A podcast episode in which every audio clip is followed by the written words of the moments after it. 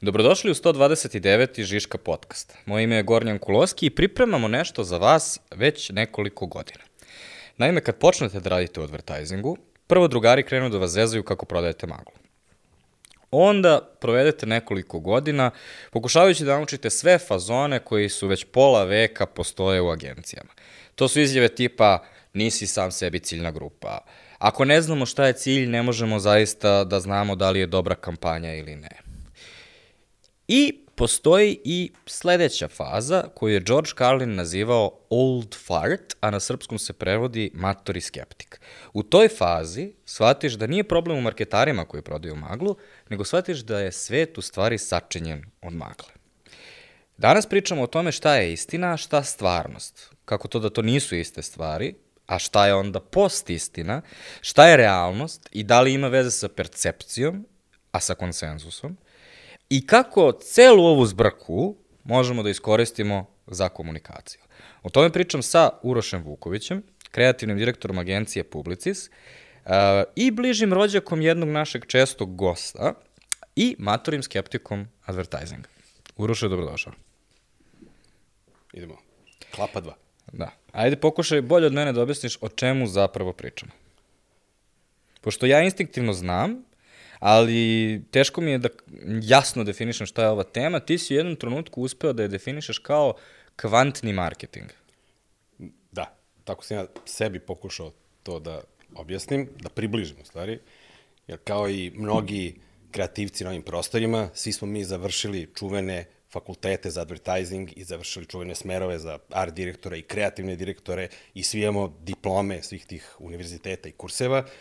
I sa tim diplomama jel da, imamo i iskustvo da prepoznamo šta je advertising, odnosno šta je marketing, kako to izgleda. E, u tom prepoznavanju ja sam pokušao sebi da približim sav taj tu maglu o kojoj pričaš i da pokušam da je kondenzujem. I kad god sam je kondenzovao, nikad nisam dobio jedno, nego uvek nekoliko interesantnih stvari i kad misliš da grešiš mnogo puta, onda shvatiš da to nije greška, već je to princip i od tog principa difuznosti pokušao sam studentima da kroz to predavanje, quantum marketing, približim kakvo je zaista stanje u marketingu i koliko to zaista odstupa od teorije koja kaže ovo je ovako, ovo je ovako, ovo je crno, ovo je belo.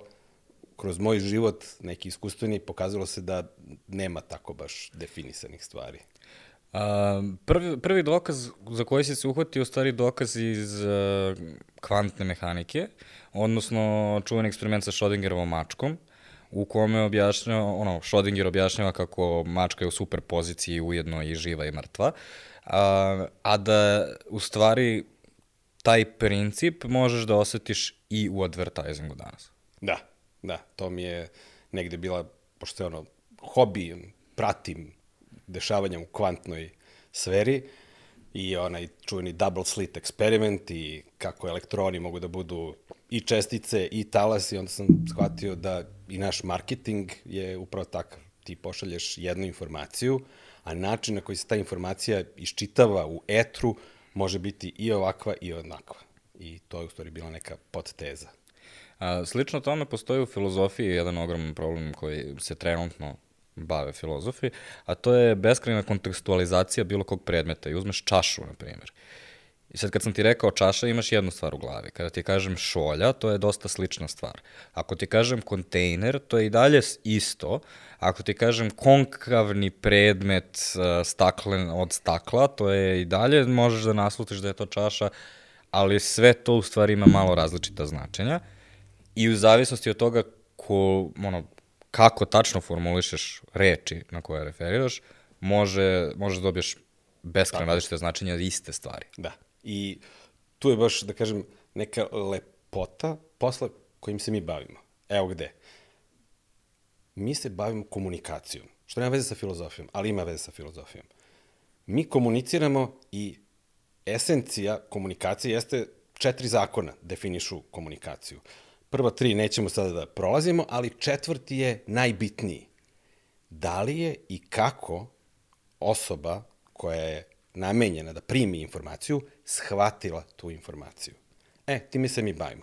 Znači, mi moramo uvijek da budemo svesni kako želimo da neko shvati našu priču. Da li želimo tačno da je shvati ili da mu ostavimo filozofski otvoreno da je sam percipira na širok način i da u stvari kaže wow, kako me ovo inspirisalo, ovo mogu shvatim i ovako i ovako i ovako.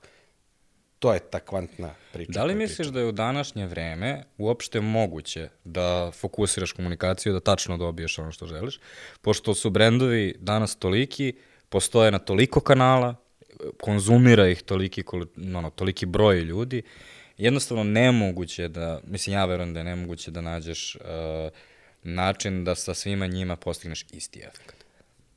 Da, u određenom vremenskom intervalu. Kao i u kvantnoj fizici. Znači, mi možemo da prepoznamo da se elektron trenutno nalazi tu na senzoru, već sledećeg sekunda on je u nekom svom oblaku pojavnih mesta. Znači, mi možemo da iskontrolišemo marketing u jednom trenutku, da pošaljemo jednu snažnu, jaku, overwhelming poruku koja će, koju će celo tržište da primi kao takvu, ovo je belo, već sledećeg sekunda imamo milion drugih poruka koje se pojavljuju od konkurencije, drugih brendova i slično i pitanje je da li je naše belo njihovo belo i šta je u stvari belo. Eto, to je samo... Um, dobar primer koji mi je pao na pamet dok sam uh, čitao tvoju pripremu je uh, kvalitet. Uh, kvalitet zvuči kao veoma jasno definisana stvar, čak postoji ceo smer na fonu koji se bavi izučavanjem kontrole kvaliteta. To je ta teorija o kojoj pričamo. Da, Da li si ikada pričao sa klijentom koji nije ubeđen, znači, po mojem, po mojem mišljenju, svaki klijent misli da donosi kvalitet na tržište. Svaki ne... klijent misli da njegov brand donosi. Da. da. U kontekstu ipak neke cene, je li tako? Da. Ove, ovaj, da, li, da li postoji klijent koji je bio u fazonu, e, ovo, ovo je baš loše što prodaje sad? Uh, tu sad dolazimo na sledeći nivo priče o brendovima slash klijentima. Bio sam u prilici da vidim brendove koji imaju svoj cilj, imaju svoj kvalitet u sprovođenju određenog cilja.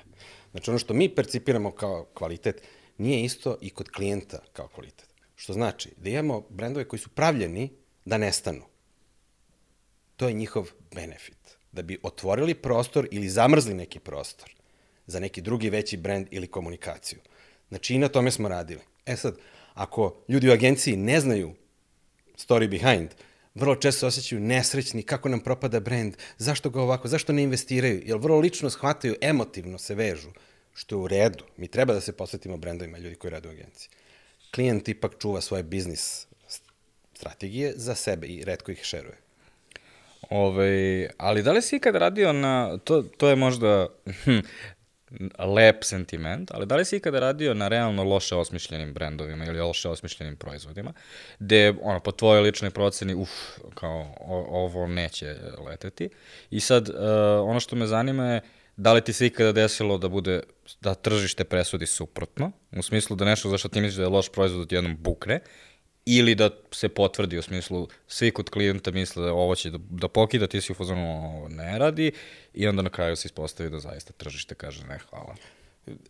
Iskustvo me negde naučilo šamarima, udarcima laktom da nikad ne idem u krajnosti, tipa ovo nikad neće poleteti i ovo će sigurno poleteti, tako da sam uvek u nekom kreativnom limbu, znači pravim tu srednju vrednost, kao ostavlja mogućnost, 90%, nikad ne kažem nešto je 100% ili čuveno ono japansko, ne postoji buduće vreme, postoji samo potencijal da se nešto desi, znaš, tako da uh, uvek ostajem otvoren da jednostavno ne znaš kako ljudski mozak radi i kako čita u budućnosti nešto što je plasirano. Mi ne znamo šta će paralelno da se desi, a bio sam sve dok raznih stvari. Ove, I to si nekako formulisao tu svoju filozofiju kao razlika između istine i stvarnosti. Tako je, da. Istinu kao takvu niko ne zna. Znači, to je sveobuhvatni broj informacija, mi jednostavno ne možemo da percipiramo. Neko meta, biće, dimenzija, ne znam, verovatno da, ali mi ne. Mi vidimo i osjećamo samo ovo sa ovih 6 do 12 čula ovaj, koje imamo i to je ono što stvara našu sliku percepciju. Znači, ja imam percepciju ovog prostora na jedan način iz moje vizure. Ti imaš potpuno drugu percepciju ovog prostora iz svoje vizure. I moja je realna za mene i tvoja je realna za tebe. Isto tako je sa brendovima i ljudima koji ih gledaju, uživaju, čitaju i komuniciraju ih. I ne postoji jedna stvar. I sad postoji još jedan korak uh, koji ja vidim iz toga, a to je uh, potrebno je da napravimo konsenzus. Ako smo ti i ja klijent i agencija ili ako smo ti i ja copywriter i art direktor, moramo da se dogovorimo šta je konsenzus mene i tebe, tvoje i moje percepcije. Mm. Da bismo znali na kakvom brendu radimo. Mi, mi u stvari, ako govorimo o kreativnim agencijama, advertising agencijama, marketinškim agencijama, PR agencijama, mi se ne dogovaramo, već u vrlo čestom slučaju moramo da ispratimo konsenzus koji nam je projektovan od brenda. Znači, brend dolazi sa konsenzusom koji se zove ovo je identitet koji mi želimo da gradimo na ovom tržištu. Identitet ćemo nazvati nekom meta istinom koju klijent želi. A imidž je ono što mi kao agencijice za taj brend gradimo našom komunikacijom. I imidž zavisi od uh, ciljne grupe, od ljudi koji to gledaju. Oni mogu da kažu, e, imidž Coca-Cola je ovo, imidž ovog šećera je ovo, imidž ovog pića je ovo. Da li to odgovara identitetu koji smo mi projektovali, odnosno klijent projektovao? To je ta razlika, to je taj gap, znaš. Mi mislimo da smo veliki, bitni to, a tržište kažemo, ovo je bofl, znaš. E, ali da li si prisustovao nekada uh, trenutku kada dođe brand brief i recimo da je na prelepom engleskom i onda pročitaš prvi put brand brief i onda dođeš na sastanak na kome se on tumači i to je recimo sastanak gde su, pošto kao što si rekao, nemamo više jednu agenciju, nego nas pet agencija stoji tu, tu je brand, tim klijenta, tu je možda i neko sa globala i tako dalje, jedna onako solidan jedan komitet da. ljudi. I onda počneš da vidiš kako nešto što je tebi bilo očigledno od samog početka iz briefa, počne da se menja u toj sobi. E, različite situacije su u mom životu bile tog tipa, vrlo često recimo neke e, ne pežurativno govoreći, ali male agencije koje su pozvane na te velike sastanke, želi da se i prezentuju na tim sastancima i povedu buljuk kreativaca sa velikim zvanjima i tako dalje i onda u nastojanju da ostave dobar utisak, vrlo često ne gledaju, ok, šta je identitet o kome pričamo, nego evo kako mi možemo to mali da napravimo da bude jako veliko, jer mi znamo mnogo. To je, to je isto, um, ono što mi je to u stvari zanimljivo je taj trenutak da volimo da mislimo da je taj brand brief koji je došao, da je to nešto promišljeno, da je to taj trenutak kada se dogovorimo oko istine. To uvek stoji, ili ja ne znam vrlo često ko je pisao taj brief. I jedna od prvih stvari na takvim ozbiljnim sastancima je da pitam ko je ovo pisao, kako je ovo došlo, kako je formulisano, jednostavno da proverim sve stavke iz tog briefa. Jer mi smo, živimo svi u svetu forwarda. Znači, najlakše je nešto spustiti na niže grane i ti u tom nekom limbu samo praktično gledaš da li su ispraćene ono kečevi odavde i nule odavde i da li to radi. E, jedna od najvećih e, snaga nas u kreativnim agencijama jeste ono kao why? Piti zašto, znaš. Nemoj da budeš ono uh, da se snebivaš, znaš, uvek piti zašto da ti neko objasni. Tu ćeš to da vidiš koliko je neko upoznat sa tim što je poslao i napisao. Um, ovo nije samo u advertisingu, um, ovo se um, može naći i u svetu i ova debata koju mi uh, sada imamo može da se nazove i debata o post-istini. Da, post-istina je, da kažem, neki termin koji je nastao van ovog, da kažem, našeg podneblja.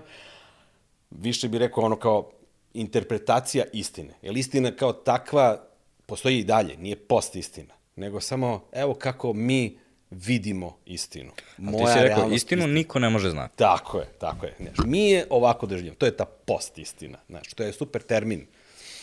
Ja. Super je termin, um, ali ima, efekti ima nekad, strašni. Da, efekte da. ima nekad uh, dosta strašno. Sve više i više. Ove, ali onda uh, daješ jednu zanimljivu, uh, zanimljivu paralelu, a to je da u stvari um, post istina nije nov fenomen. Ne. Postoji ne. od uvek. Od uvek, tako je. E, praktično ono što negde svi nam kažu na početku naše kreativne karijere, sve već izmišljeno, sve već postoji, to jeste fakat. Znači, sve su priče ispričane, već, nekada.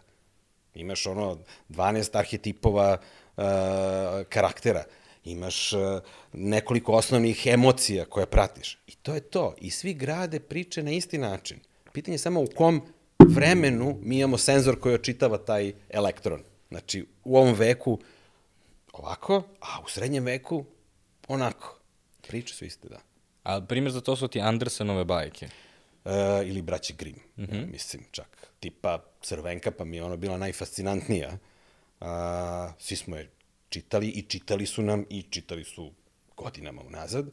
I onda kad se ja bavio kao, ok, da vidim šta je izvor toga, mislim, jeste, treba deci preneti informaciju da ne lutaju sama šumom, da ne razgovaraju sa nekim čudnim nepoznatim bićima, kao, ok, simbole te shvatam kod babe neke svoje, da brinu o starim, oh, znaš, i tako čitam te stvari, onda krenem u nekom trenutku da istražujem, ok, ko je prva, kako izgleda prva ta priča, i onda nađem na čitav jedan, uh, ono, biblioteku priča koje mi imamo, tipa Pinokio, tipa Snežana, tipa uh, Trnova ružica, koje su nam onako čiste bajkovite, koje su u srednjem veku izgledale strašno.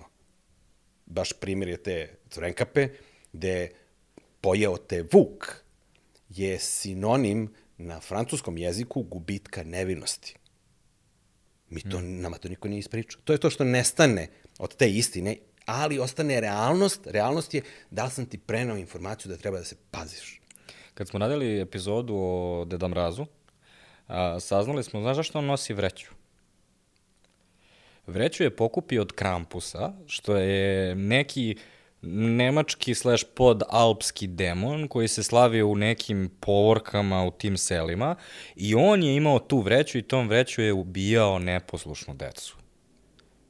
I kao, zato Deda Mraz, pošto mu je Krampus jedno vreme bio kao pomagač, pa je onda Deda Mraz preuzeo vreću jer mu ne treba mali je demon tu pored njega, kao to je postalo malo... Previše to ima. Da, ljudi su nekada bili baš, ovaj, baš pa, weird. Ali to je pragmatično. To je okej. Okay. Šta je mm. ova priča nama treba da ostane?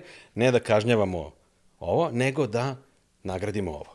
Pa sve te, uh, kada smo, pošto smo radili više tih epizoda za te marketinške praznike, odnosno izmišljene praznike, uh, svi oni u suštini prate taj neki mod da postoje te neke čudne legende i onda oni iz, izmiksaju ono najlepše, najbolje, Upravo da to ono, bukvalno evoluira u neku Tako finu je. priču. Tako je. A, međutim, ljudi su često spremni da to nekako odbace kao zapadnjačke izmišljotine, a kod nas toga nema.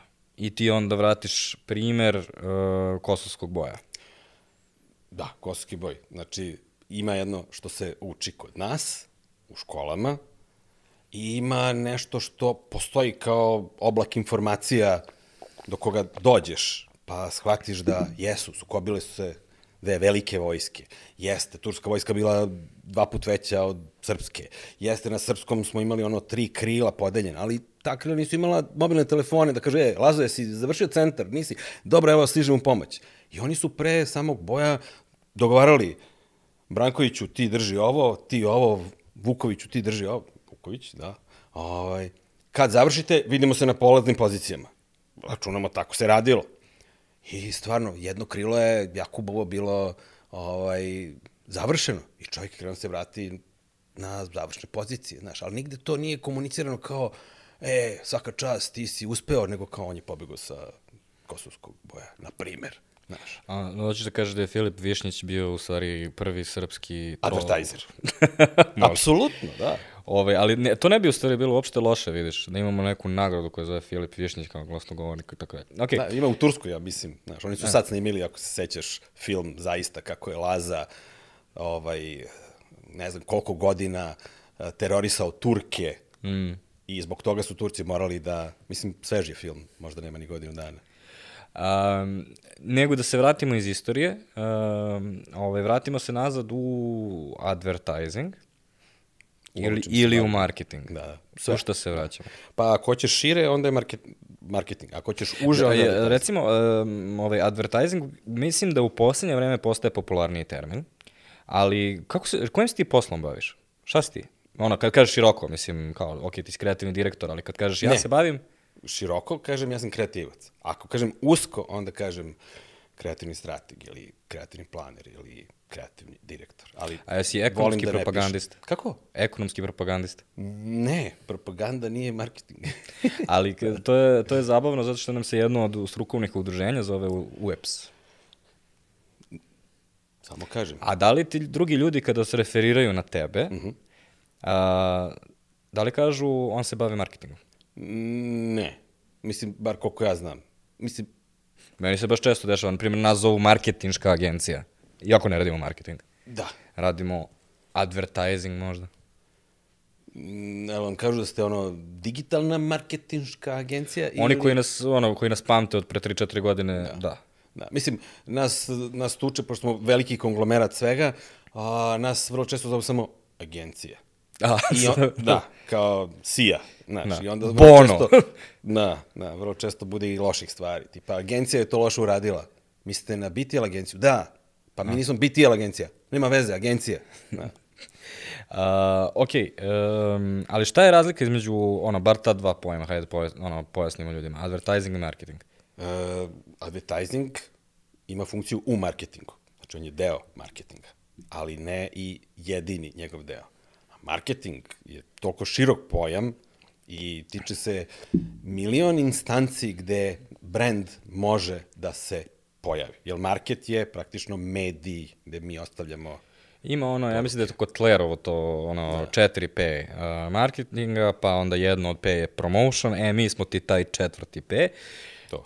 To je lepa teorijska razlika, ali ja mislim da većina ljudi kolokvijalno danas, recimo mi se dosta borimo sa time u ovom podcastu, mm. zbog toga što pokušavamo da otvorimo podcast da ne bude samo stručan i onda se jako često lomimo oko toga kako ćemo da zovemo stvari. I krenuli smo da se hvat, recimo advertising je pozemljenica, nije prirodno da, da kažeš advertisingu, advertisingški i tako dalje. I onda često kažemo reklame, I često u stvari pravimo taj pogrešan naziv da kažemo marketing, a kada mislimo u stvari na komunikaciju. A ipak, ako pogledaš, mi smo danas employer branding, nije, pro, nije promocija, nego je promocija tebe kao poslodavca. Što znači da tehnički nije u marketingu, nego je u HR-u možda. Znači, a mi se bavimo time zašto smo prvenstveno agencija za komunikacije, pa smo onda jedno vreme to isto hteli da se zovemo kao agencija za komunikacije. Isto smo kao i ti jedno vreme uh, razmišljali o tome da budemo kreativci, kreativna agencija ili agencija kreatora, čime smo hteli da napravimo distinkciju da ovde se stvari proizvode i tako dalje. I uh, na kraju ovaj, oni iz Žiške. Tako da što god ti treba popravimo štampač, oni iz Žiške. To ti je upravo ta priča o kvantnom. Jedno je identitet koji ti želiš da projektuješ na market, marketing, a potpuno je druga stvar, druga krajnost, kako market čita tebe i tvoju komunikaciju. Prema tome, slušaj šta market kaže, jer to si ti, a ne ovo što bi ti želeo. I shodno tome, pravi priču. Employer branding jeste deo marketinga. Zašto? Employer branding se radi samo zbog toga što tvoji zaposleni priču šire svojoj porodici, svojim prijateljima, svojoj prodavnici, na letovanju, na izlasku i tako dalje. To je employer branding. slažem se da to postoji, ali takođe, ono, nekada je, fali 10.000 developera, meni treba 100. To je, to je ono veoma jasan brief u većini slučajeva za nas. Uh, ok, napustili smo iluziju objektivnosti, uh, hajde da se, ono, batalimo filozofije i da krenemo na primere. Um, manipulacija imenom, uh, koristiš za to prvo Louis Vuitton. Uh, korišćenje imena. Da ne bude manipulis, ovaj, kao povlačenje, ne? nego kako koriste ime. Znači, Louis Vuitton, odnosno logo, ajde. Znači, svi znate kako izgledaju tapacirani Louis Vuitton predmeti. Znači, mm -hmm. M sam skup, M sam svugde po sebi. Znači, pretetoviran. Od cipela, torbi, tašni, svega, svugde vidite taj logo. Da li je to kič? Neki će to percipirati tako, ali ne svi. Da li je to camp? Opet ista priča. Znači, jednostavno, to je kako taj brand gradi svoj imidž. Da li je izgradio kod svih ljudi identitet kakav želi ili je nekde rekao za ove sam kič, za ove sam premium, to govori samo uspeh brenda. Um, da li si uh, primetio da, uh, recimo za mene, uh, kao potrošača sad pričam, uh, njihova um, percepcija mi se veoma promenila u trenutku kada sam počeo da putujem u Evropi i vidim gomilu Azijata koji su od glave do pete Tako u Louis to je Vuitton. tamo jedan od Uber brendova. Znači, Kina je jedno od najvećih tržišta uh, Louis Vuittona. Pritom mi to ne znamo. Ali, to takođe meni uh, govori, opet kao potrošaču iz određene ciljne grupe, da nikad neću biti, ne, taj brend za mene ne može više biti premium. Za mene. Tvom ovom životu, Da. ne, ali u sledećem... Ne, ne, ja sa, znači, o- ograđujem se, pričam čisto kao potrošač, ono, jedna, jedna osoba iz bloka 45 u, Srb, u nekoj Srbijici. Da, apsolutno se slažem. Me too. Ove, um, međutim, šta, ono, šta bi ti kao sad, ako se ovaj, neko ko je brand arhitekta ili mm -hmm. brand own manager Louis Vuittona, da. li bi se ti potresao oko toga ili ne? No, apsolutno ne. Jel taj brand radi? Radi. Jel pravi profit? Pravi profit. Jel ima neke devijacije? Nema. I dalje je sve prilično stabilno što se tiče njega. I dalje ljudi čekaju u Parizu novu liniju, i dalje Srbi iz Pariza čekaju u redu i prodaju to mesto drugima koji bi želi da budu prvi. Tako da to radi, to fercera. Nema Ali uh, ono što je dosta teško ljudima da urade je da zaista internalizuju ovu relativi, relativnost o kojoj pričaš. Mm -hmm. I onda se dešavaju oni trenuci kada ljudi počnu ne da kontrolišu brend time što ga odvedu u nekom smeru nekom aktivacijom, nego pokušaju nešto da zabrane, nešto da skinu, pa onda Sećaš se um, ovoga Abercrombie and Fitch, mm -hmm. kada je uh, lik rekao da debeli ljudi ne bi trebalo da nose njegovu odeću. Tako je i ti nisi mogu da nađeš to. Da. To je legitimno skroz. Dokle, a dokle god to nije rekao javno, i onda je morao da step down kao CEO i ovaj, realno načinio veliku štetu brendu. Pazi, ne znam koliko je načinio štetu. Nemam informaciju da je načinio štetu. Da je trigerovao određene ljude. Da. Kao što je i domaći neki brend, čini mi se nedavno na Instagramu, mm -hmm. slično, prošao na sličnu temu mm, nekog donjeg rublja, muškog, ženskog. Extreme Intima. Jel tako? Da. Eto. Tako da, to je, kažem, univerzalne stvari koje, na koje uh, market, kad kažem market, mislim na korisnike određene teritorije, reaguju i sve više će reagovati kako bude ovaj, ta mogućnost eskalacije moje emocije nad tvojim emocijama kroz etar medije bila moguća. Nekada se marketing, opet evo, ispalo mi je. Znači nekada se advertising i nekada su se kampanje uh, fokusirali na to da izazovu lepe emocije. Um, danas više nije obavezno tako i ono, najveća kampanja koja mi pada na pamet je Nike Colin Kaepernick, gde su oni u trenutku kada izbacuju tu kampanju sigurno mogli da znaju koliko će kontroverzu da izazovu. I kao što si rekao, trigerovali su neke ljude, ali ono što, je, ono što su, na što su računali je da je triggering bitniji od toga da li, je, da li su sve reakcije pozitivne. Da, znači, evo šta je iz nekog mog iskustva proizašlo kao, da kažem, istina. Ne istina, istina, već kao ovo radi. Koji brendovi ne postoje? Samo oni o kojima se ne priča. Najgore stvar za bilo koji brend je da ne čuješ, da ne vidiš. A šta je najlepše kod bilo kog uh, projekta, kampanje za klijenta? Free media coverage. Ništa ne plaćam, svi pričaju o meni. Lako ćemo to da rešimo kasnije, ako se priča o meni. Jer kad se priča o meni, ne priča se o tebi. To je takođe efekt koji mi svi zaboravljamo. A, te stvari su, da kažem, projektovane. Vrlo često mislim kao, oh, vidi kako su prošli, nemamo pojma šta se dešava, ono, story behind. To je ona priča koju sam ti rekao na početku. Mi vrlo često ne znamo šta se kod klijenta u planovima o nekom brendu zaista pravi i valja.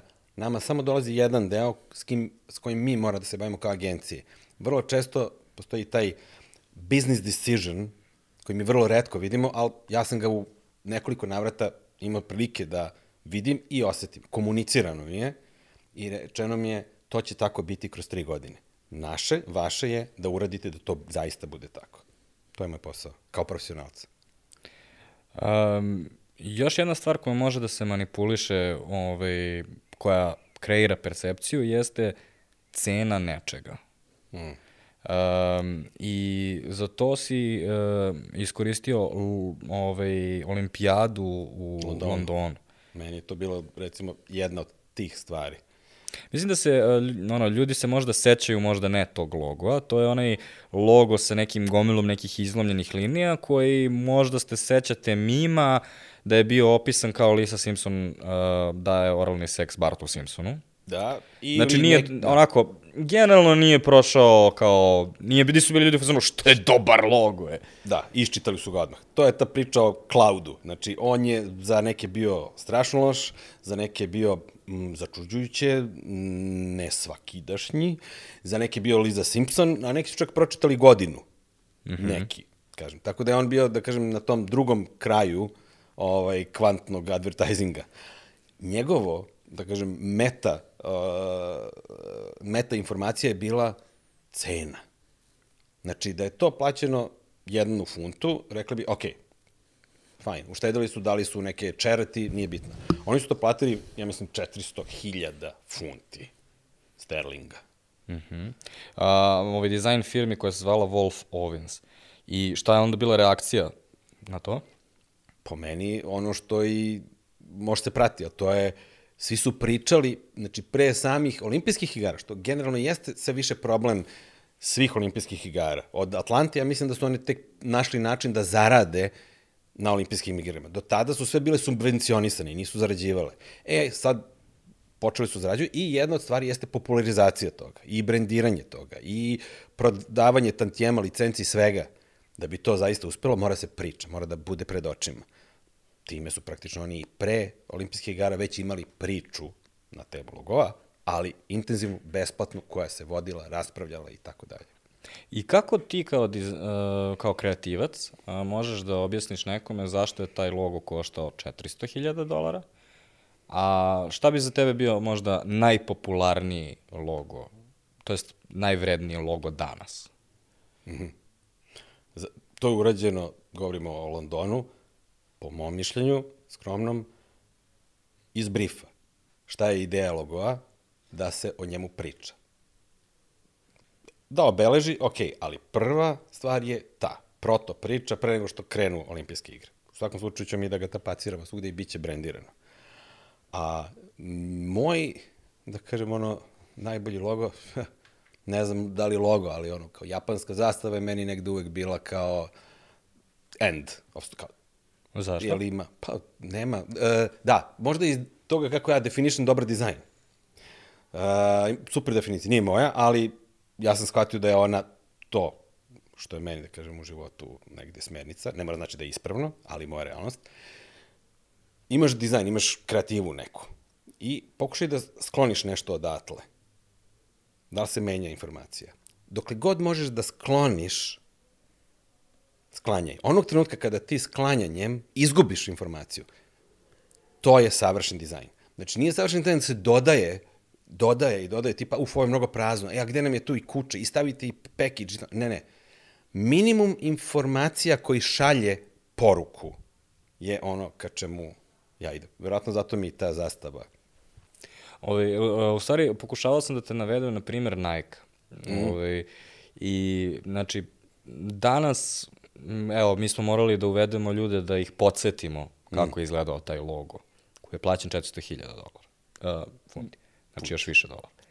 A Nike-ov logo je plaćen 35 dolara i odobren je od strane Phila Knighta zato što više nije mogo da se preganja sa dizajnerkom, znači bukvalno bio jedan od onih projekata koji je bio u fazonu ne može još jedna runda feedbacka, plati pa se klati. I gospođa Caroline Davidson mu je rekla this is my invoice for $35 i on ga je bukvalno odložio i rekao je, meh, onako. I to je ono logo koji danas ono, a, evo, Mate ima na patikama, možemo da ga vidimo u roku od pola minuta šetajući gradom sigurno će vidjeti 20 Nike logova. Mm -hmm. Kako taj logo košta 35, a ovaj košta 400.000? I on je za mene jedan od lepih primjera, da kažemo, kvantnog u advertisingu. Da, u trenutku nastanka je on toj osobi, kreatoru, plaćen toliko dolara jedinica. Mnogo godina kasnije, taj isti dizajner je od Nike firme dobila zlatni prsten i ne zna, ne, nepoznat broj deonica o kojima se ne govori. Sad, moje pitanje je, šta je vrednost? Ono što je plaćeno tada ili ovo što je sada? Znaš, o čemu govorimo? Uh, Van Gogh nije prodavao svoje slike ovoliko koliko one vrede sada. Mnogi slikari nisu mogli da prežive od toga što su sad slikali. Sada to vredi iz drugih razloga, ali o čemu govorimo? O kojoj vrednosti govorimo? Kada govorimo o vrednosti? Kada taj brend nije ni postojao. A znaš šta mi je zanimljivo isto, e, kao kad smo već kod na, te, na temu logoa? E, Vrednost ne mora biti samo monetarno izložena. Tako je. Um, recimo, vrednost Apple logoa je po meni što kao sugeriše celu priču, jel? Um, Loga ili brenda? bre, logo sugeriše već i priču o znanju, o izgnanju, iz, iz, izgnanstvu iz Edena i tako dalje. Ja sam sve to učitavao u taj logo. E, znaš zašto je odgrižena jabuka? Bajt. Da, zato što je a, Rob Jenov koji je bio dizajner, e, ne, to je razlog zašto je jabuka. Jabuka je zato što je Jobs u tom trenutku bio fruterijanac. Ali Riko je dizajner, je napravio jabuku i rekao je, pa ovo se ne razlikuje od višnje. Moram da zagrizem, da vidim kolika je, da razumeš da bi kao ljudi shvatili da je to, pošto je isti oblik. Ja, samo I onda je zato zagrizo i ovaj Jobs je rekao, pa okej, okay, da. Mislim, lepše nego ovo izgleda kao višnja, stvarno. A razumeš koliko sam ja sad učito stvari ono, u, toj, u taj jedan zagriz mitoloških.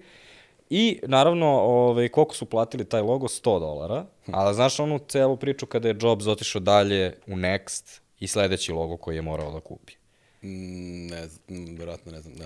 To je isto čuveni dizajner, zove se Paul Rand, mm -hmm. um, koji je ono koga je Jobs unajmio mm -hmm. i onda je um, Jobs rekao dobro, sada smo dogovorili posao i uh, ja bih voleo da dobijem neke opcije, da mm. vidim par predloga.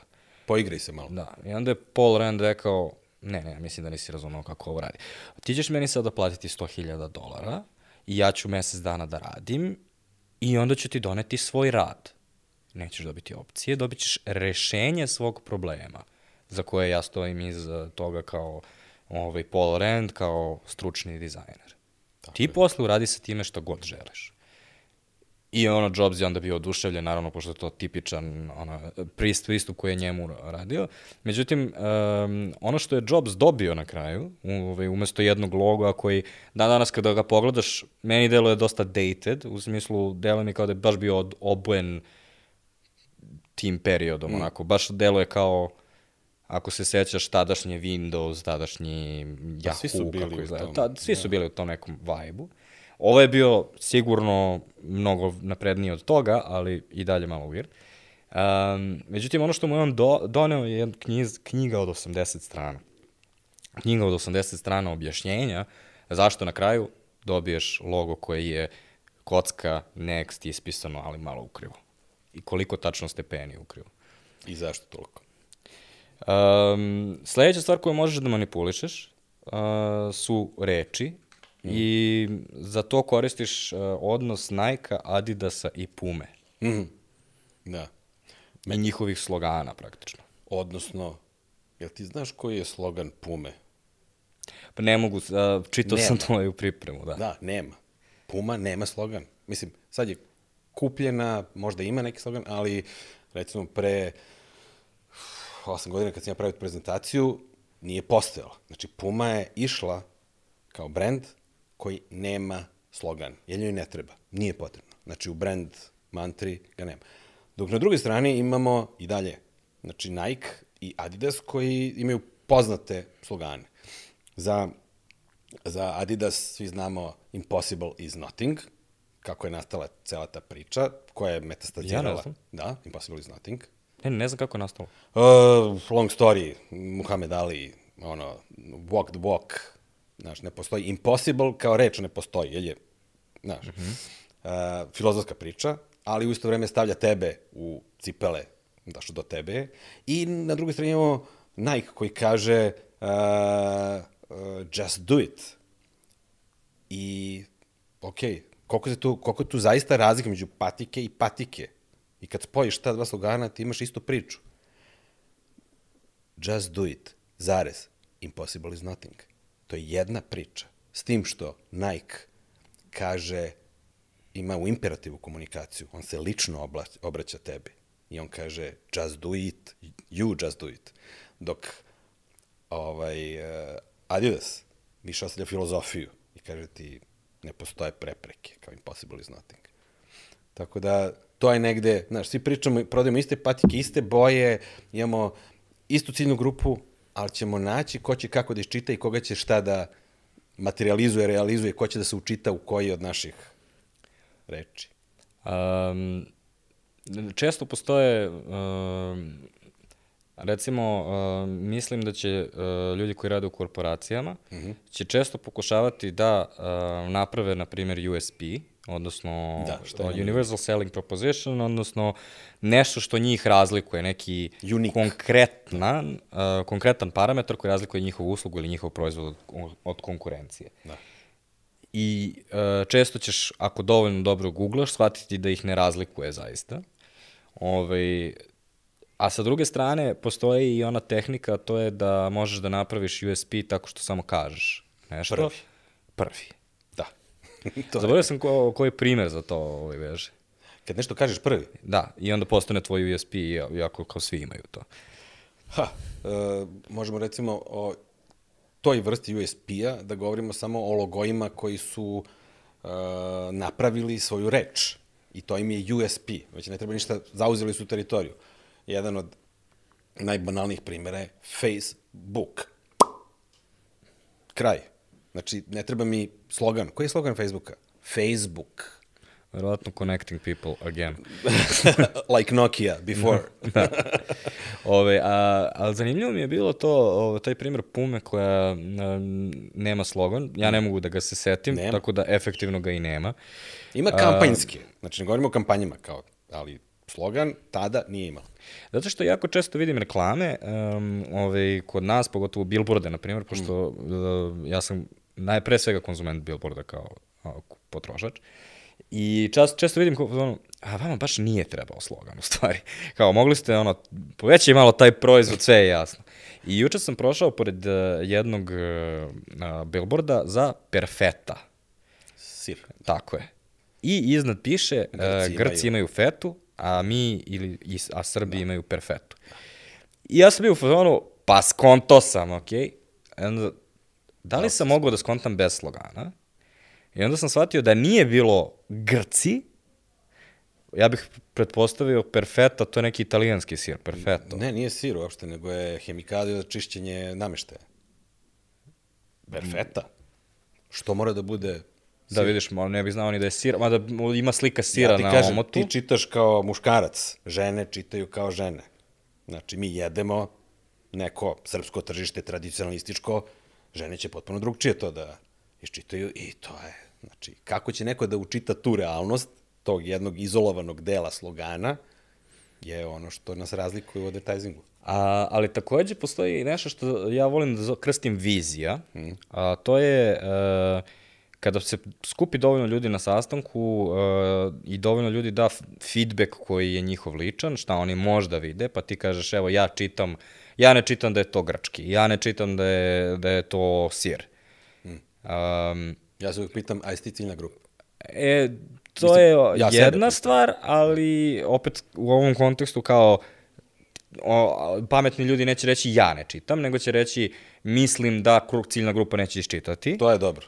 Uh, onda postoji i super kec iz rukava, to je moja mala nećaka jeste ciljna grupa i verujte mi, ja znam da ona ovo ne bi razumela. Ako je Ali, vereno, da. Ovaj, u nekom trenutku uh, neko mora da stane i da kaže procenjujem da ne. U smislu, vidim, vidim argument, ali neće se to desiti. Uh, I primjer koji stalno koristi za to i mislim da će već dosaditi ljudima u ovom mm. podcastu, a to je uh, onaj Apple uh, TV reklama 1984. Znaš za nju? Kad su nastali? Ali znaš onu 84. u smislu rađen kao George Orwell, ona žena sa na solo. Što je Fortnite preradio pa im vratio nazad. To. E, da, um, ta reklama uh, je uh, snimljena i poslata bordu Apple-a na odobrenje. Uh, Steve Jobs im je poslao sa rečima, nisam baš siguran, a, board je rekao ni slučajno. Agencija Chiat and Day je morala da laže da ne može da proda Super Bowl time, jer ovo, imali su dva slota, rekli su da ne mogu prodati oni veći slot, i samo zbog toga je Apple bio u fazonu, pa kad smo već platili, ajde neka ide reklama. I to je postao TV spot koji je jedan od najčuvenijih u istoriji advertisinga. Sada. Da. Da, A tada je bio na, ono, na jedan poziv od toga da bude neodobren. Da. A evo, gde, ko je napravio tu pravi iskorak? To je priča o agenciji koja veruje u komunikaciju brenda. Tada je arhetip brenda Apple bio rebel, outlaw. I to jeste njihova komunikacija. To što je board direktora nije htio da prihvati kao nismo mi, znaš, mi smo, znaš, to, znaš, šta je arhetip? Vrlo često oni ne shvataju, niti su u prilici da shvataju, ali imaju taj neki imidž uh, wanna be, znaš, šta želimo da budemo, kako se vidimo. Oni su došli iz drugih kompanija, nisu oni rodili u Apple-u i nastali u Apple-u. Mnogi od tih brand menadžera fluktuiraju unutar raznih klijenata. Agencije ostaju verne. To je naš problem. Mi smo stalno na doživotnom zatvoru, znaš. Mi nikad ne izlazimo. Čuvari odu kući, znaš. Klijenti odu na druge brendove, znaš. Mi moramo radimo za brendove, uvek. Ono što ja mislim da, uh, al, o, o s ovime se ne poisto većujem uvek, čak pokušavam da se izvučem iz toga, ali to je mislim da smo mi ona uh, zaljubljena šiparica što gleda tugaljivo, ovaj, da je to naš odnos prema brendovima, dok klijenti često imaju odnos kao prema roditelji, prema nestašnom detetu. Ono, Ne kažem ja da agencije i ljudi u agencijama ne prave greške. Ja govorim samo o onom najprofesionalnijem sloju ljudi koji radi u agencijama, koji zaista živi i radi od ovog posla i veruje ovaj posao i nije razočarana posle toliko godina i dalje veruje. A, posljednja stvar koju možemo da prođemo, iako si ti tamo razradio mnoge, mnoge druge, ali da bismo se spakovali u neko normalno vreme za podcast, Da, onako niko neće gledati do ovde, znači da možemo da kažemo bilo U, šta, bit ćeš iznenađen, veruj mi.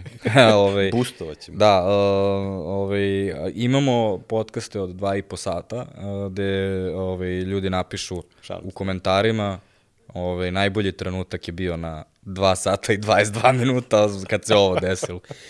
Um, mislim, to je lepota ovog formata. Mm. Um, nego, ono sa čime bih volao da završimo kao primjeri toga s čime može da se manipuliše, je manipulisanje ciljnom grupom uh, i kako isti brendovi mogu da, biti, da budu percipirani ne drugačije, nego sasvim suprotno u različitim ciljnim grupama. I u različito vreme. Da. Na koji misliš? Pa možemo prvo Apple, ajde. Apple, Apple, evo, kao što sad imamo priču, ako već ono šutnuta lopta tu, uh, nastoje kao rebel, kao outlaw, kao underdog, kao neko ko challenge-uje market. Neko ko je potpisao sebe ispod zagrižene jabuke kao think different. Znači, neko ko je rekao, Bog mu je rekao, samo ovo ne dire, a on kaže, ti će mi kažeš. E, i sada na celu tu priču, sada taj brand izgleda kao potpuni ono ekosistem koji ništa ne pušta s polja, da bi koristio nešto na njehovim uređajima, moraš da imaš odobrenje, centrale, znači bukvalno su ono ne think different, nego think same. Znači oni su obrnuli ono iz potpune liberal, liberalnosti su došli samo vam je ovo potrebno. Kao ono metakomunizam brenda, znaš. Oni su poslednji pristupili Bluetooth korporaciji 2000 i ne znam 10. 11. godine. Zato što nisu mogli sami da reše ovaj slušalice, jel da, koji su se pojavili dan kasnije. I e, zanimljivo je, uveo si i temporalnu dimenziju. Da. Zbog toga što uh, on, ono što je bi ja rekao da je postao narativ, barem ja ga jako osjećam, zato što ovaj, dosta projekata su nam digitalni, a to je koliko je Apple praktično ušao u rat sa Facebookom i koliko je ova promena privatnosti i njihov fokus na privatnost koji sad pokušavaju da nakrikaju, je praktično izbio dže, iz džepa Marku Zuckerbergu 10 milijardi dolara, ali to sve zbog toga da bi se oni pozicionirali kao neko ko je šampion privatnosti za ljude, jer su skontali da njihov biznis model je jedini koji ne zavisi od toga da uzmem sve, posrećem sve tvoje podatke, za razliku od Google i Facebook. Um, a drugi primjer za tom je ovaj, Microsoft. Mm -hmm. Kao, sećaš li se ono, antitrusta, svega što se dešavalo ono, ranih 2000-ih vezano za Microsoft, prvenstveno u Americi, a gde su sada? Pazi, kao korporaciju kao brand, u stvari, ih uopšte nemam na radaru. Znači, oni su mi prisutni više kao ono, Bluetooth, da, imaju svi telefoni to. Mi- Microsoft Windows, da, imaju svi kompjuteri. Mm -hmm. Tako ga gledam. Ne gledam ga više kao brand, već kao omnipresence. Čak ne znam ni koji je slogan ispod, logo, ništa. Da, to je sad pitanje, uh, ja sam malo krenuo da brkam i ovaj imidž ko, kompanije, pošto kada kažem kompanije, znači kad pričam o tome šta je danas Microsoft, ne mogu da se ne setim Activisiona koji su, koji su u procesu kupovine, LinkedIna, naš, Skype-a. da. i svega ostalog što je pokupovano. Um, Coca-Cola, Lep brand, mislim, zanimljiv, sviđa mi se nastanak. I dopada mi se percepcija. Ne govorim o inside story, znači ko vodi taj brand, već samo o ovome što čita publika i kako. Oni stvari imaju dobar taj promis koji je vezan za taj narativ happiness. Njihov arhetip je i dalje isti. Znaš ali je? takođe kako je Coca-Cola kao najpopularniji brend ikada koji se fokusira na sreću, na mede, na Deda Mraza, da li postoji brend koji inspiriše više negativnih sentimenata u nekim ljudima? Uvek će biti, pogotovo sa tako problematičnim brendom, ali pojenta je, on je uspeo da se diferencira od svih ostalih i ostaje konzistentan. Znači, mi svugde imamo taj happiness kao prizvuk, kao prisutnost i svi njegovi slogani koji su se menjali tokom godina, vidjet ćete, oni se menjaju, ali svi imaju isti, isti fond reči i istu tu meta promis komunikaciju prisutnu. I ti sad napravi argument da je konzistentnost jako bitna. Ta, generalno. advertisingu. Da. Mislim, ne da je bitna. Bitna je za, za uh, prepoznavanje brenda. I onda ti ja vratim primjer e, lokalnog konkurenta Coca-Cola, a to je Kokta. Mm. Znači, Kokta koja je Moje do pre, piće, da. da, pre Koje je 10 film. godina bila ono komunističko, no nešto nam zaostalo iz komunizma, ima malo čudan ukus, ali ispostavilo se da je, ma, da je zdravije. znači, re, ono, retro piće, jako dugo. Tako. Lokal patriotizam, ciljano za small market area. Uh, I u nekom trenutku neko je pre- presudio da ta strategija neće odvesti brand pretarano daleko i da je potrebno da promene stvari i sada su postali agresivno Gen Z ovaj brand, ono, targetiran brand koji se fokusira na LGBT prava, koji ono, ima svoju modnu reviju i tako te stvari. Da. Ne pratim ga kao brand, ali verujem da... Uh, Zato što je ciljna grupa. da, da, bio sam nekad ciljna grupa. Kao što sam nekada koristio Old Spice. Ali to je u stvari, znaš, to je u stvari, e, ovo je, ovo jako često imamo, a to je, šta će se desiti kada kokta, koju piju i dalje stariji ljudi, ovaj, ne kažem ti stariji, ali stariji si od mene, ovaj, Jesam, stariji sam, da. šta se desi kada oni ovaj, podrže uh, istopolne zajednice? Um, ništa. Ljudi, neki ljudi jednostavno neće čuti za to, jer se desilo na Instagramu. Tako je, tako je. Tako je. Verovatno niko nije od nas čuo za Adidas kampanju Smoke. Ja kad sam došao, sticam okolnosti do nje i do himne koju su napravili, muzičke, koja kaže Your future is not mine, koja me ono pukla ko, ne mogu ti, ko bomba, znaš, kao gde je ovo bilo sve ovo vreme? Nisam ciljna grupa, nije stiglo do mene zbog toga. Znači, mi odavno živimo u tom, da kažem, nekom metaversu, odnosno metamarketu. Market nije jedna stvar, nije jedan billboard, već ta informacija o brendovima postoji svugde. I to je ta sad istina. Istina je sve to, ali realnost samo tamo gde ti nalaziš. Ti primaš samo određen deo poruka. I za tebe taj brend je ta realnost. Ja obožavam koktu, fenomenalno, ali ja živim sa koktom iz 80-ih godina prošlog veka, što je ludilo. 30 godina kasnije, to mora da se menja. Apsolutno. Ili ne mora, kao možda treba bude konzistentno kao Coca-Cola. Neko mora da nese taj kol. Da, ne znam, znaš, mislim, Coca-Cola je imala tu priču da li sam konzistentna. Mnogo ranije, 70, ne, ne znam koje godine, improvizovat ću. New ali, Coke. A, 86. kad sam ja bio u Americi, su oni imali New Coke. Imali su čak i Clear Coke. I to je ta priča kao, Mislim da moraš da se- uvedeš ljudima šta je New Coke, ne znaju baš svi.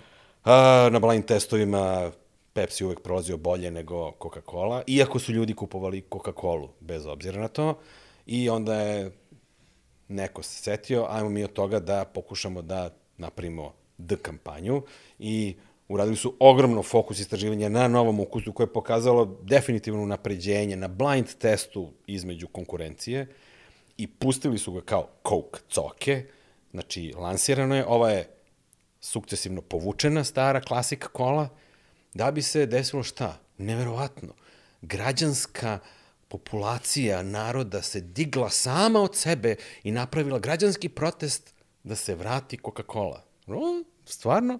Da, možete vidite na internetu, nađete informacije, do suda nekog je došlo, čak peticija.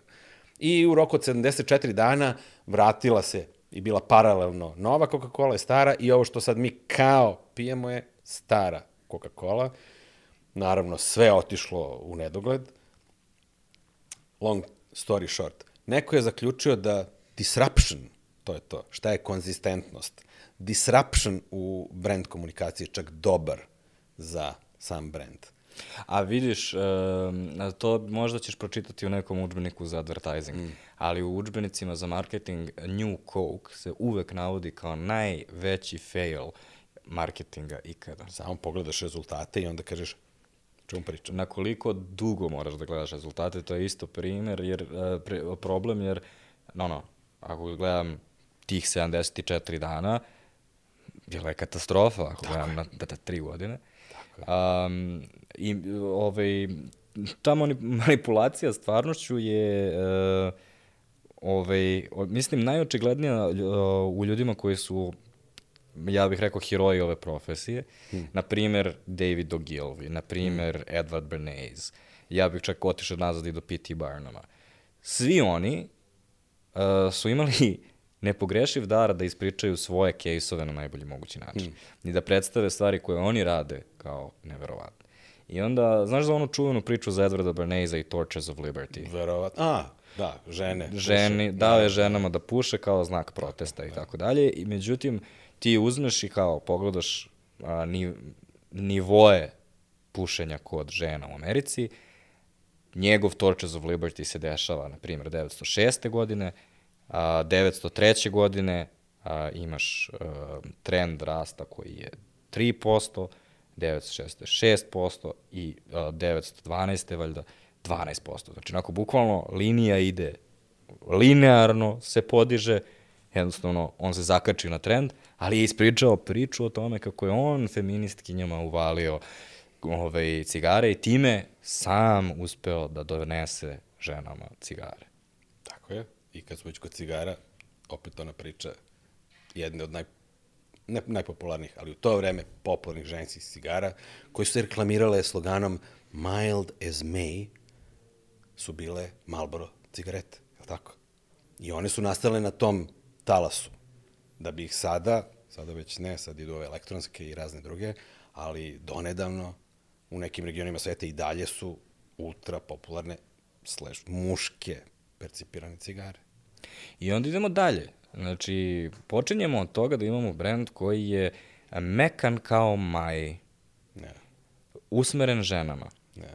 I onda u Philip Morrisu uh, neki CEO uh, proglasi, "Ne ide nam kaže, dobro." ne ide nam dobro prodaja ka muškarcima. Ajde da obrnemo ovaj naš brand Marlboro. Onda dolazi, uh, zaboravio sam koja od agencija velikih, Leo Burnett. Leo Burnett.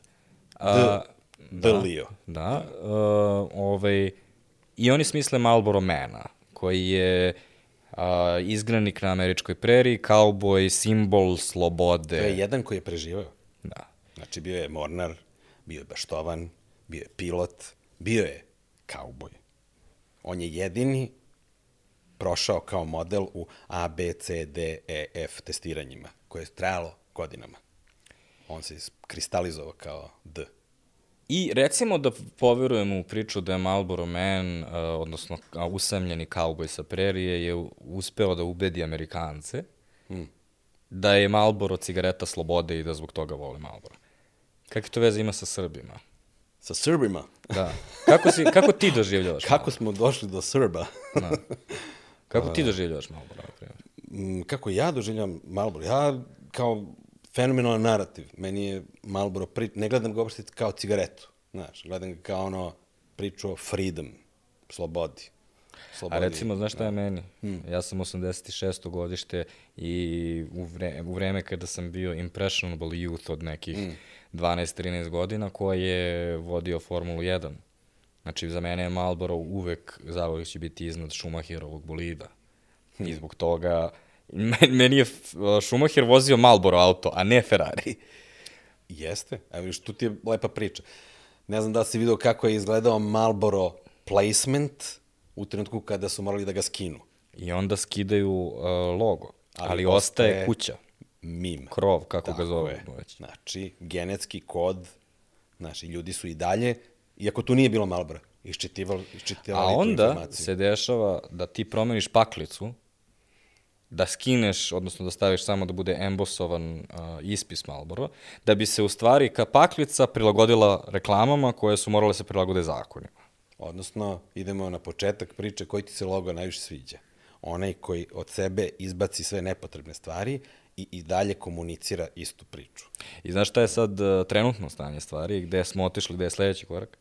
Te su uh, napravili, uh, pošto više ne sme da se reklamira Marlboro, ali možeš da napraviš proxy korporaciju koja sasvim slučajno isto ima krov i onda možeš to da staviš kao reklamu i ljudi će i dalje da se sete da je to Marlboro, iako ništa nije isto, ništa ne piše, ali i dalje asocira. Da, to je taj advertising Pavlovljev efekat. Znaš, kad negde uspostaviš neku temu, ljudi će i dalje da je iščitavaju. Kao Mendela efekat, ono, znaš. I dalje će da primaju tu istu informaciju ako ne postoji. I dobro, Uroše, ako sve može da bude i ništa, mora, nije, uh, šta je rešenje? Onda jedno od rešenja je da im budeš totalni nihilista, da igraš ruke i kažeš, a šta god. Ovaj kopij može da izgleda kako god. Ova, ovaj vizual, ovaj logo nije ni pitno. Ili ćete biti Nike ili nećete biti Nike. Kakve veze ima šta ja uradim logo? Da, negde razumem pitanje i vrlo često sa uh, kreativnim timovima u kojima sam radio, gde ima ono, i copywritera, i dizajnera, i planera, i raznih akaunta koji žele da budu deo te priče i da shvate tu priču, uh, vrlo često dođemo do toga. Kao šta treba da ide ovde? Meni kao nekome ko uslovno rečeno vodi priču ili treba da ono oversee. Meni je samo bitno da to bude u onom oblaku čestice. Znači, samo da kažem, ne, nije ovde, da detektujem šta ne pripada toj priči i da vidim šta je sve u toj priči. I što je više takvih pozicija gde mi kreativno dođemo do rešenja, to sam ja srećniji kao kreativac. Najviše mrzim ono kao, u što sam smislio ovaj jedan odličan slogan i ovaj super jedan logo, vidi, iz prve sam ga ubao. Baci u džubre. Traži po oblaku dalje. I naćeš uvijek bolje. Um, ali šta je filozofija kojom se vodiš? Kako bi Again. to opisao? Again. Super ima reklama za uh, Ripley jeans, koju nikako nisam uspio da nađem godinama, a hoću da imam. Uh, chain gang, crnaca radi u polju, vezani lancem i jedan pita drugog što si ti ovde, ovaj kaže ja sam tu zbog ne znam toga, a ti kaže zbog ubistva. Ovaj kaže pa kako je to bilo? Pa kaže došao sam kući, video sam njega koji je napao moju devojku, silovo je i ja sam morao da ga ubijem. I ovaj ga pogleda kaže, jel bi to uradio ponovo? Replay jeans.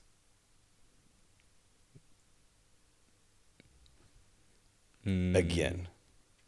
And again. ok. And A, again.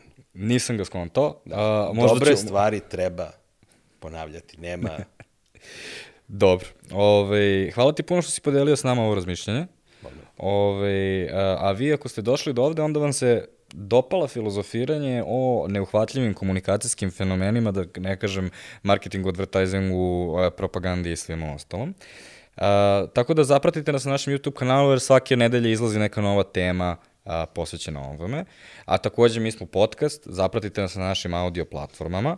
A, poseban pod, a, podcast za a, ljude koji koriste Apple i Spotify. Ove ovog meseca ste izjednačeni, što znači da ćemo narednog saznati da li će Apple da prešiša Spotify ili obrnuto. Uh, a, a ono što je mnogo dobra stvar ako pratite audio podcaste je ove stvari o kojima mi pričamo ne zastarevaju brzo i onda možete da otvorite stare teme i da zaređate teme koje su vama interesantne i da ono, dobijete sate kvalitetnog sadržaja. Ja to obožavam da radim sa svim podcastima koje slušam, a ovaj, konkretno od naših epizoda slično je ovim, preporučujem epizodu 96, šta je premium, ili uh, epizodu uh, 122 uh, koja se bavi propagandom. Uh, vama do sledećeg slušanja, a ja odu da nađem neku novu žrtvu da pripremi neku narednu temu.